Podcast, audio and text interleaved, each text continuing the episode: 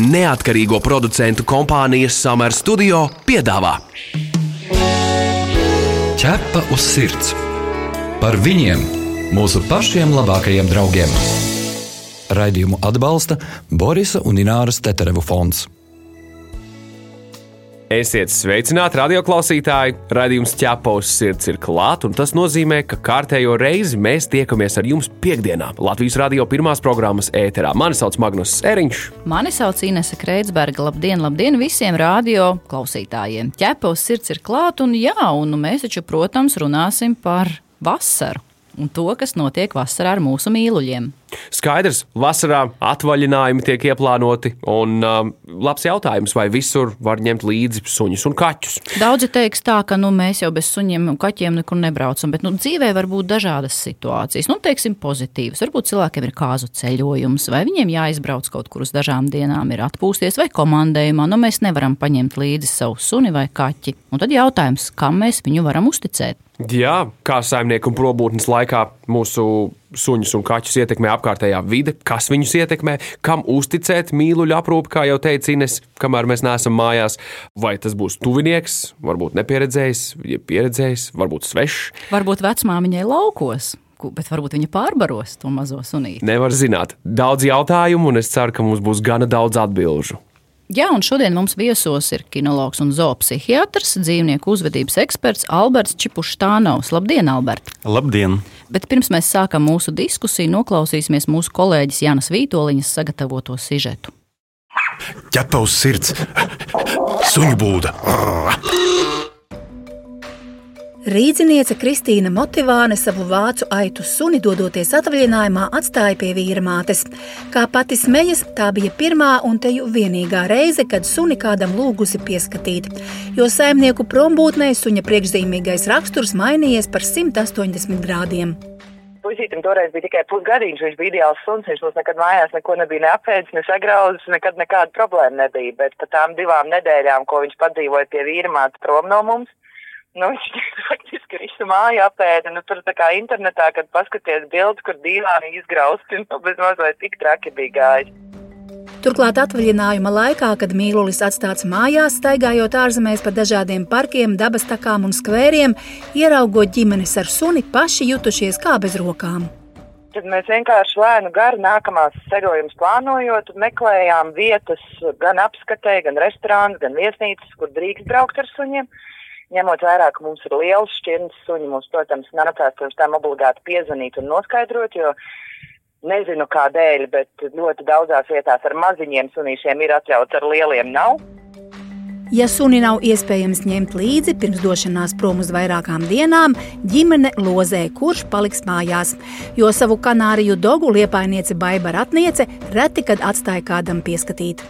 Ja mēs braucam pie draudzenes uz Rīgu, viņai pašai ir trīs suņi, un mēs to neesam mēģinājuši iepazīstināt, jo viņi var saplēsties. Un, un tad ir tā, ka eh, šo piekdienu es braucu kopā ar meitu uz Rīgu, vīrs paliek ar suni. Un tad nākamā mēnesī es ar vīru braucu. Un meita paliek ar suni. Un mēs šitā esam sadalījuši, ka ne, suns nekad nebūs viens, ja mēs braucam uz veselu dienu vai uz divām dienām. Ieva Sardiko, kamēr saimnieki ir prom savā dzīvesvietā, privātmājā pierīgā, pieskata gan suņus, gan kaķus, gan papagaļus un pat žurciņas. Pieskatāmie mājdzīvnieki dzīvo kopā ar Ievas ģimeni un mīluli Labradoru. Ieva ir pārliecināta, lai saimnieka prombūtnes laikā dzīvnieki jūtas maksimāli komfortabli, pēc iespējas jānodrošina viņiem tāds dzīves ritms un apstākļi, pie kādiem viņi ikdienā ir pieraduši. Pieskatām mēs viņus nu, praktiski kā savējos. Viņi dzīvo kopā ar mums, iekštelpās, protams, ievērojot saimnieku norādījumus. Ja nedrīkst gultā, tad nedrīkst gultā, bet, ja drīkst, tad, tad drīkst. Ir kāds, kurš būs ļoti priecīgs, kurš grib tieši aktivitātes, kurš grib būt visu laiku blakus, kurš ir tāds enerģijas kamoliņš. Ir kāds, kuram labāk patiks, ja viņi sākumā drusciņi liks mierā, ja, ja nebūs pārāk aktīva uzmākšanās. Tur, Viņš sākumā gribēja tikai pastaigas un tādu mierīgu komunikāciju. No pieredzes Ieva var apgalvot, atrašanos citā vietā, kamēr saimnieks ir prom, kaķi pārdzīvo daudz vairāk nekā suņi.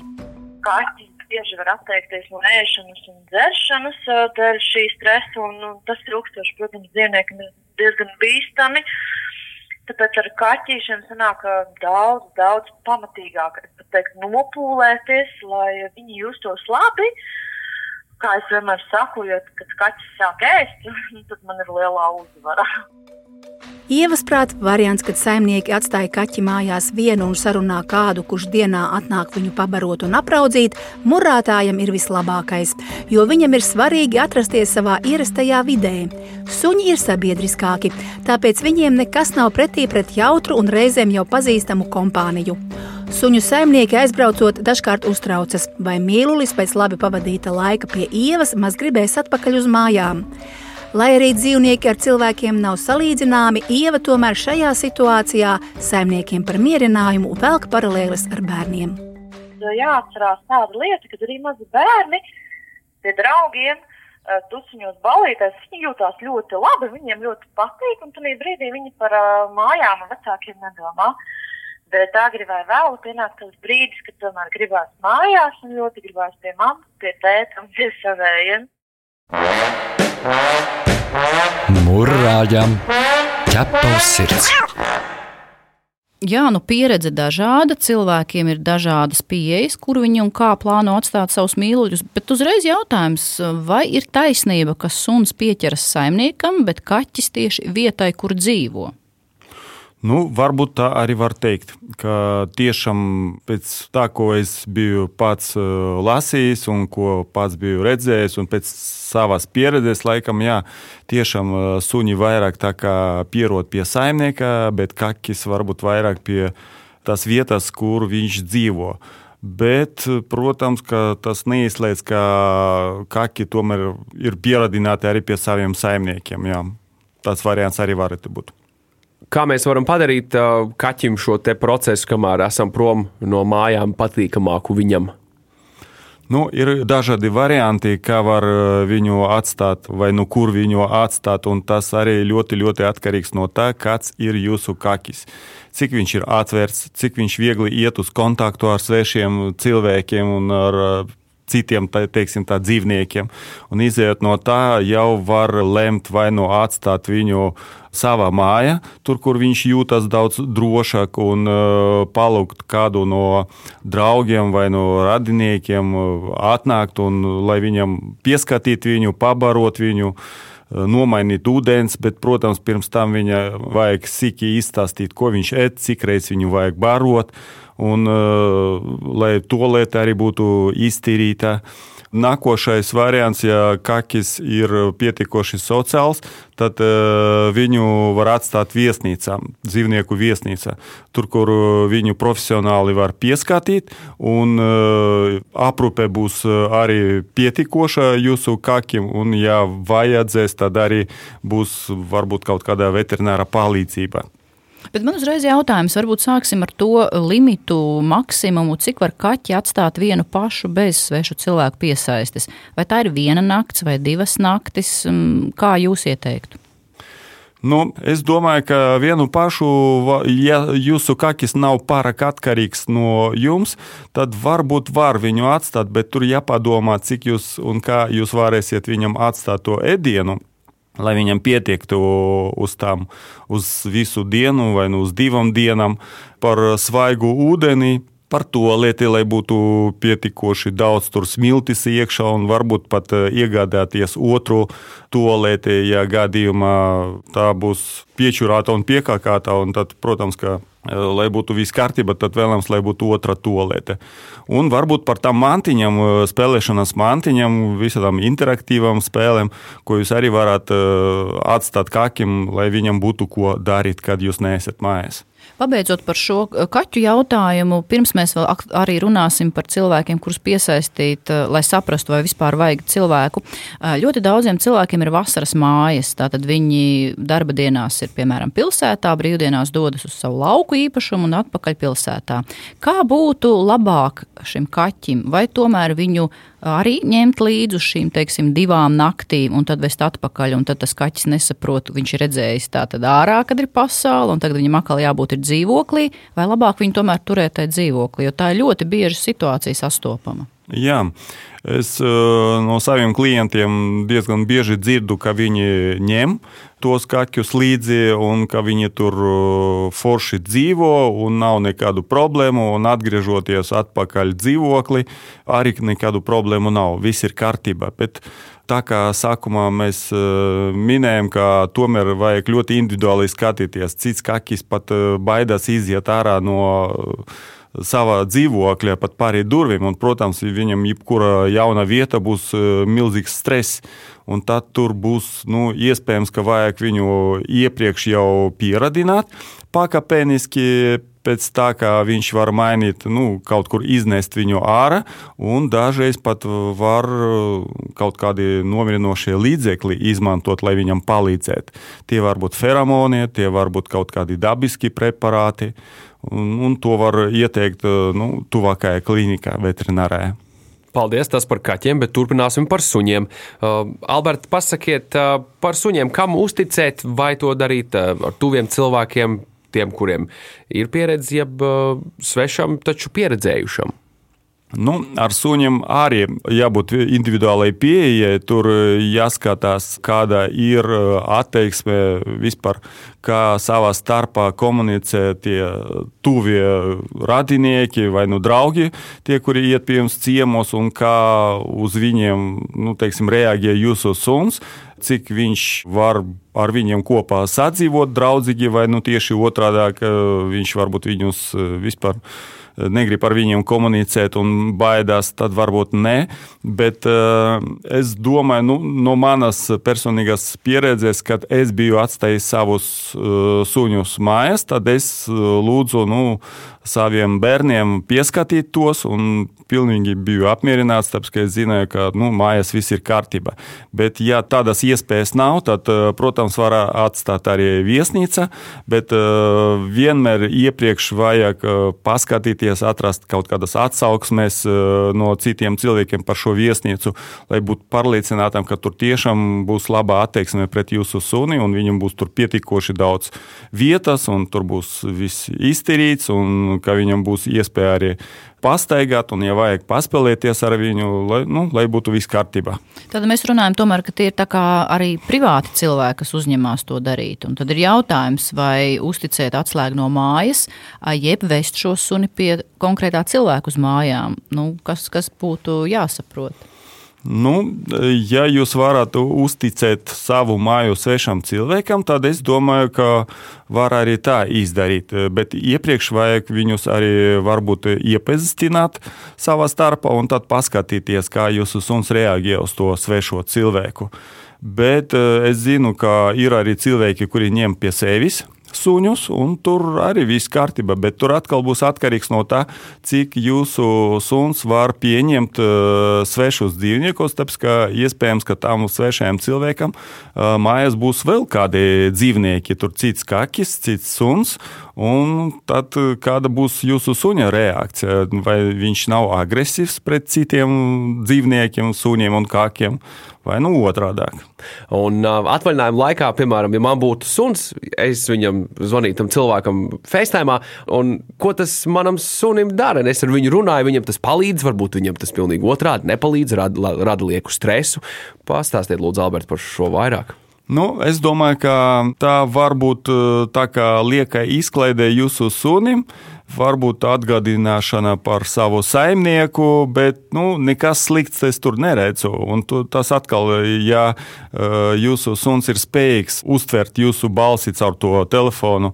Un uh, saprot, ka tur tiešām jūs esat, bet būs vai nu vienaldzīgs, vai nu priecīgs dzīvnieks. Tur nu, nekas slikts tur nebūs. Bet tas sunim nav tāds liekas stress, atkal kārtējs nu, tāds tā kā uzbudinājums un tāds nu, stresa līmenis, ieraugot saimnieku, bet nu, tas saimnieks nav viņam pieejams. Es domāju, ka tur tā būs uh, lieka izklaidē, un ja viņš tur jūtas labi, tur, kur viņš ir atstāts, ja ar viņu tur viss kārtībā, viņam tur patīk, es domāju, ka ne, nekas slikts tur nebūs. Es vēl gribēju precizēt, ja, piemēram, izvēlamies suni tātad aizvest pie kāda auklīša, patīk tas vārds auklītis.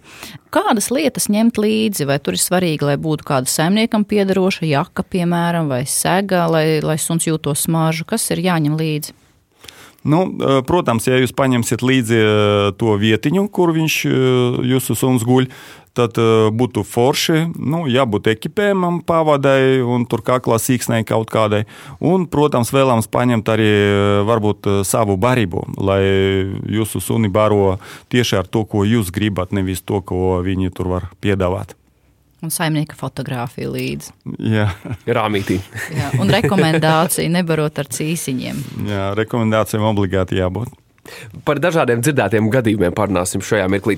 Dzirdēts, ka saimniece bijusi atvaļinājumā uz divām nedēļām un pārtraukusi atvaļinājumu, jo viņas špicis ir atteicies no ēdiena veselu nedēļu. Tas visticamāk ir liels stress vai ne? Pieķeršanās saimniekam.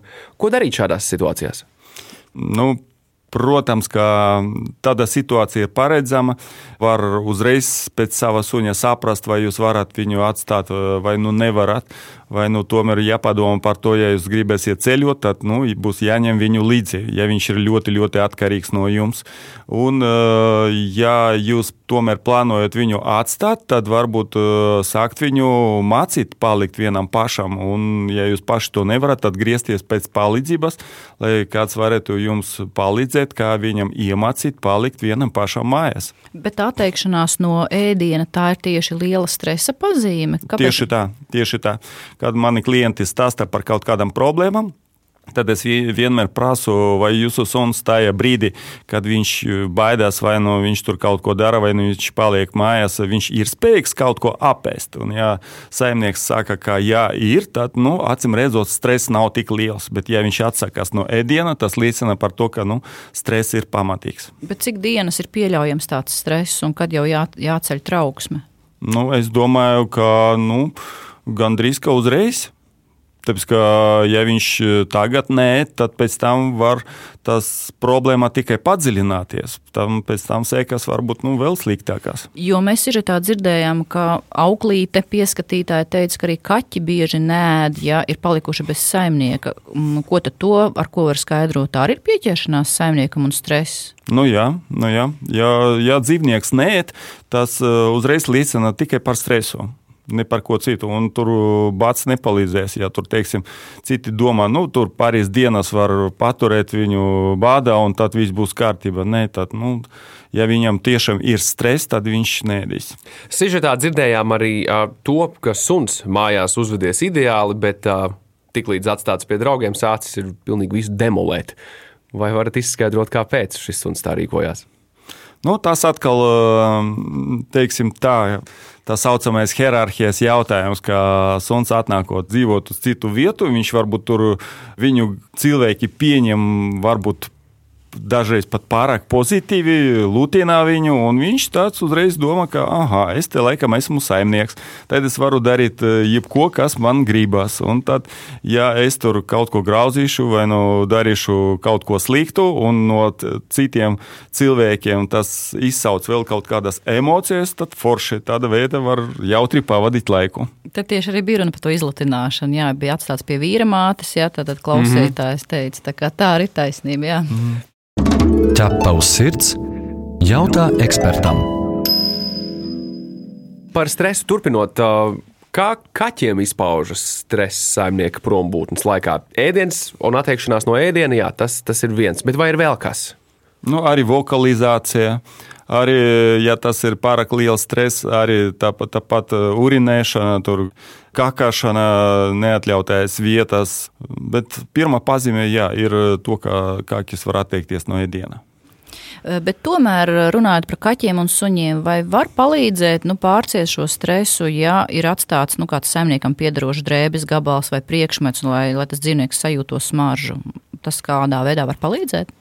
Jā, tiešām tas var palīdzēt. Un, tāpēc, suņi un kaķi dzīvo smaržu pasaulē, un viņam ir ļoti svarīgi, lai blakus viņam tur paliktu kaut kāda patīkama saimnieka smarža, kaut kāda mantiņa, vai nu viņu mantiņa, vai nu saimnieka mantiņa, kura palīdz viņam justies drošāk tajā jaunajā vietā. Jā, tas ļoti palīdz. Atgādinām, ka šodien ciemos pie mums ir Alberts Čipuštānaus, dzīvnieku uzvedības eksperts un zoopsihiatrs. Gadījumā, ja šajā mirklī jums ir jādodas prom no radioaparāta, tad es jums gribēju atgādināt to, ka raidījumu ķepa uz sirds varat atrast Latvijas radio arhīvā, kā arī noklausīties to populārākajās podkāstu straumēšanas vietnēs. Tu pazīsti kādu īpašu dzīvnieku draugu? Tavs kaimiņš vai kolēģis palīdz nelaimē nonākušiem suņiem un kaķiem? Varbūt kāds suns vai kaķis izmainīs tavu pašu dzīvi. Raksti mums, un mēs pastāstīsim šo sirsnīgo stāstu pārējiem klausītājiem. Iedrošināsim arī citus izdarīt kādu labu darbu. Gaidām jūsu vēstuli uz info atķepa uz sirds LV. Nu jā, un turpinot to mūsu tēmu par suņu un kaķu atstāšanu pie citiem cilvēkiem. Bet, nu, ja tā filozofiski paskatās uz šo jautājumu, kā suns un kaķis uztver saimnieka prombūtni, vai tas vispār ir pētīts, vai, piemēram, suņi ir optimisti, viņi katru dienu atvadās no saimnieka, domājot, ka vispār redz to pēdējo reizi. Nu, godīgi sakot, nezinu. Nav bet, neviens pētījis šo jautājumu. Jā, bet uh, es domāju, ka viņi, nē, viņi tomēr gan kaķi, gan suņi, viņi pierod pie kaut kādas uh, dienas režīma. Viņi zina, ka no rīta saimnieks aizies prom uz darbu, un pēc tam viņš būs atpakaļ. Un kad ir tās brīvdienas, kad uh, saimnieks uh, visu dienu pavada kopā ar viņiem, un tad vispār būs uh, forši. Es to zinu vienkārši pēc tā, ka man ir klienti, kuri brauc pie manis eh, ar saviem suņiem, teiksim, vienreiz eh, nedēļā uz tām nodarbībām, kad mēs strādājam ar kaut kādām problēmām. Un pat cik tas mūsu laiks eh, ļoti, mēs ļoti patīkami pavadām laiku, ļoti pozitīvi. Suņi to ļoti labi atcerās, un tad viņi gaida to dienu. Un saimnieki saka, ka viņas suns precīzi zina, kad ir tā diena, tā sestdiena vai no nu svētdiena, kad būs jābrauc. Viņi ļoti, ļoti gaida to momentu. Man patiesībā arī personīgā pieredze par šo saistībā ar atgriešanos mājās, ikdienā strādājot Latvijas Rādio 5,5 LV ēterā.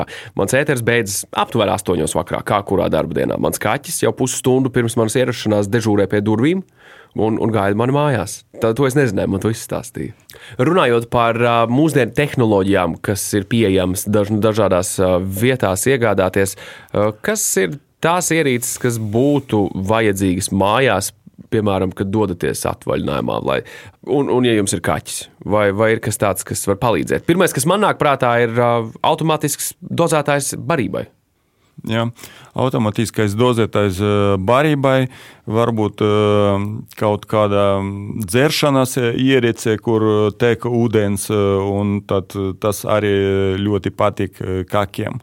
Un, pat eh, dažreiz kaut kāda novērošanas sistēma, kura var palīdzēt jums eh, saprast, vai mājās tiešām ir viss kārtībā, un ja nav kārtībā, tad nu, pazvanīt tur nezinu, radiniekam, draugam, lai viņš tur paskatās un izdara to, ko vajag. O, tas tādiem satrauktiem un trau, trauksmainiem suņu saimniekiem varētu noderēt. Jā, novērošanas kamerā uzreiz taču visu var redzēt. Pat ļoti, jā. jā. Pie, pie siksniņas arī varbūt uh, GPS uh, šo te signālu raidītāju, lai tu varētu redzēt, kurā dzīvokļa galā vai, vai kur tavs uh, suns atrodas teritorijā. Gadījumā, ja ir vēlme un vajadzība, to visu var nokārtot. Nu, tas drīzāk ļoti palīdz pastaigās laikā, ja mēs, ja sunim patīk kaut kur aizskriet tālāk, tad tur tiešām tā ierīce var palīdzēt mm. saprast, kur viņš ir. Bet, nu, tomēr, pabeidzot to jautājumu par, ja, piemēram, suns jāatstāja pie cilvēka, kuram jau ir suns, kas būtu jāzina? Vai tie suņi pirms tam ir jāsapazīstina, kas jāņem vērā, ja tur jau priekšā ir mājdzīvnieki?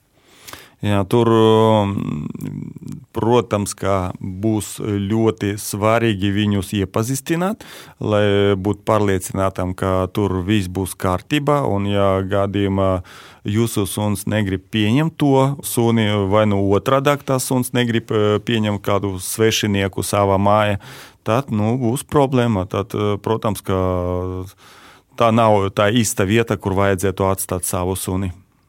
Nu, kā ir ar suņa vai kaķa atstāšanu pie vecmāmiņām? Tās ir tādas sievietes, kurām ļoti patīk izrādīt mīlestību ar ēdienu, un viņas pārbaro gan bērnus, gan mazbērnus, un bieži arī suņus. Un mums ir dažādi gadījumi bijuši, kad atstāts suns ir uz nedēļu, tur mazs taksīts un dabūt tādu sardelīti atpakaļ. Kā jums liekas, cik bieži ir šī pārbarošanas problēma? Nu, ar vecmāmiņām, jā, tiešām ir bieži. Un tā ir tāda, nu, teiksim, tā neatrisināma problēma, kad mēs runājam ar suņu vai nu kāju saimniekiem, ka jūsu sunetis ir nu, varbūt pārāk apaļš. Tad viņi saka, nu, mēs runājam un darījam visu, un nekas nepalīdz. Un vienalga Tā vecmāma grib viņu lieku reizi tur pabarot. Un, nu, jā, viņš tāds vājiņš noteikti. Jā, jā, jā Bet viņš al... prasa, viņš tā uz maniem skatījās. Nu, kā es varu nedot viņam? Ak, šīs astiņas, vai ne? Jā, jā, bet, Albert, jums ir iespēja šobrīd uzrunāt visas Latvijas vecmāmiņas. Nu, kā jūs viņas nu, iedvesmotu tomēr nebarot suni? Nu, vienmēr jāpadomā par tā sava mīluļa veselību. Tāpēc, ka vai tiešām tas jūs uzskatāt, ka tas viņam būs veselīgi, un ka, ja viņš tā ļoti, ļoti uz jums eh, skatās, tad varbūt eh, mēģināt ar viņu vienkārši tur tikt galā ar to, ka jūs ar viņu parunāsiet, kaut ko tur padarīsiet, tur paspēlēsiet, iziesiet ārā, pastaigāsiet ar viņu. Tas būs daudz, daudz eh, labāk nekā vienkārši dot viņam kaut ko ēdamu. Jo ir jau tā, ja sunim nedod, viņš jau diezgan ātri saprot, kad nebūs no tās rokas, vai ne? Tieši tā, vajag vienkārši pāris reizes ignorēt, ne, nedot viņam, un viss kārtībā. Suns ir pie suņi un kaki, viņi pietiekoši gudri, un viņi saprot, ka tur tāda veida nevar dabūt. Tā kā vienkārši jāgaida to laiku, kad viņu baros, un viss kārtībā. Nu, ko mēs noslēgumā, Magnus, vēl varētu piebilst? Ko tu esi sapratis no šīs dienas sarunas? Skaidrs ir tas, ka atvaļinājumos, tad, kad varēsim doties, dosimies, brauksim prom. Tie cilvēki, kuriem mājas dzīvnieki būs jāatstāj mājās, nu, te ir vairākas versijas, un patiesībā šķiet, ka mēs paši varam parūpēties par to, lai mūsu mājas dzīvniekiem būtu droša vide un viss būtu kārtībā. Ja mēs to paši nespējam izdarīt, tad ir attiecīgie speciālisti, kas mums var palīdzēt ar, ar savu klātesamību. Jāizdara pareizā izvēle katram no mums un jāpārliecinās, nu, jāizmēģina vienreiz vienreiz tā, vienreiz tā. Un tad nu, jāskatās, kurš variants mums der labāk. Jā, un man vēl ienāca prātā, ka tomēr nu, mēs jau nezinām, ka tāda situācija varētu būt, ka nu, tomēr iespējams cilvēkiem uz dažām dienām nu, vajadzēs kaut kur aizbraukt. Iepazīstināt jau ar potenciālo cilvēku, kas varētu uzņemties rūpes par mūsu suni vai kaķi, lai viņi vismaz ir pazīstami. Mēs jau redzam, kā viņš reaģē. Un pats galvenais, ko es sapratu, ka īstenībā visticamāk jātiek galā ar nu, visbiežāk suņa nespēju palikt vienam bez saimnieka kaut vai 5 vai 10 minūtes. Es saprotu, ka tā ir tāda liela problēma. Varbūt pašā noslēgumā Alberts varētu iedot padomu, kā cilvēks, saimnieks mājas apstākļos var varbūt patrenēt suni, nu, tā kā palikt vienam. Jā. Ja jūs tiešām uh, zināt, ka jūsu sunim ir tāda problēma, ka viņš uh, nevar viens pats palikt mājās, tad varbūt sākt viņam trenēt to palikšanu, kad jūs esat mājās. Vienkārši atstāt viņu vienu pašu, bet cita istabā, bez jūsu klātbūtnes, lai durvis būtu ciet. Un jāsāk nevis no kaut kādām stundām, bet no sekundēm. Varbūt tur atstāt viņu citā istabā uz vienu sekundi, un pēc tam viņu paslavēt un apbalvot par to, ka viņš tur palicis to vienu sekundi. Un pēc tam būs otra, trešā, desmitā sekundē, un tad tālāk minūte minūtēs un tas stundās. Un tāda veida viņu sagatavot tam, ka jūs viņu varat atstāt uz nu, kaut kādu ilgāku laiku, un viņam būs daudz, daudz vieglāk to pārdzīvot. Un, ja tas dažreiz e, nav iespējams, tad e, mēs varam pat palīdzēt ar medikamentiem to pašu izdarīt. Visur kopā - ķepus sirds! Nu jā, paldies Albertam. Šodien studijā pie mums bija Alberts Čipuštānavs, zoopsihiatrs un dzīvnieku uzvedības eksperts. Paldies, visu labu! Bet, nu, Magnus, ko mēs dzirdēsim nākamnedēļ? Daudzi sāk domāt par mājas dzīvnieku iegādi, tie, kas ir atlikuši visu šo gadu un tagad pēkšņi saplānojuši, nu, tagad ķeras klāt sapņu realizēšanai, bet atkal un atkal kāpjam uz vieniem un tiem pašiem grābekļiem. Sludinājuma portālā uzķeras uz sludinājumiem, kur pa lētu naudu pārdod šķirnes dzīvniekus. Ne pirmo reizi par to runājam. Jā, un īstenībā vai tas vispār ir iespējams lēti kaut ko šajā dzīvē nopirkt kvalitatīvu? Un ja vispār runa ir par dzīvnieku, un kā kā mēs vispār varam zināt, ko mēs pērkam un kā tie pārdevēji mūs apkrāpj. Bet tas viss nākamnedēļ. Tas šajā raidījumā ir arī viss. Mani sauc Inese Kreitsberga. Mani sauc Magnus Eriņš. Raidījumu veidoja neatkarīgo producentu kompānija Summer Studio. Visu labu! Atā! Ķepa uz sirds! Informatīvi izglītojoši raidījums par dzīvnieku pasauli un cilvēkiem tajā. Raidījumu atbalsta Borisa un Ināras Teterevu fonds.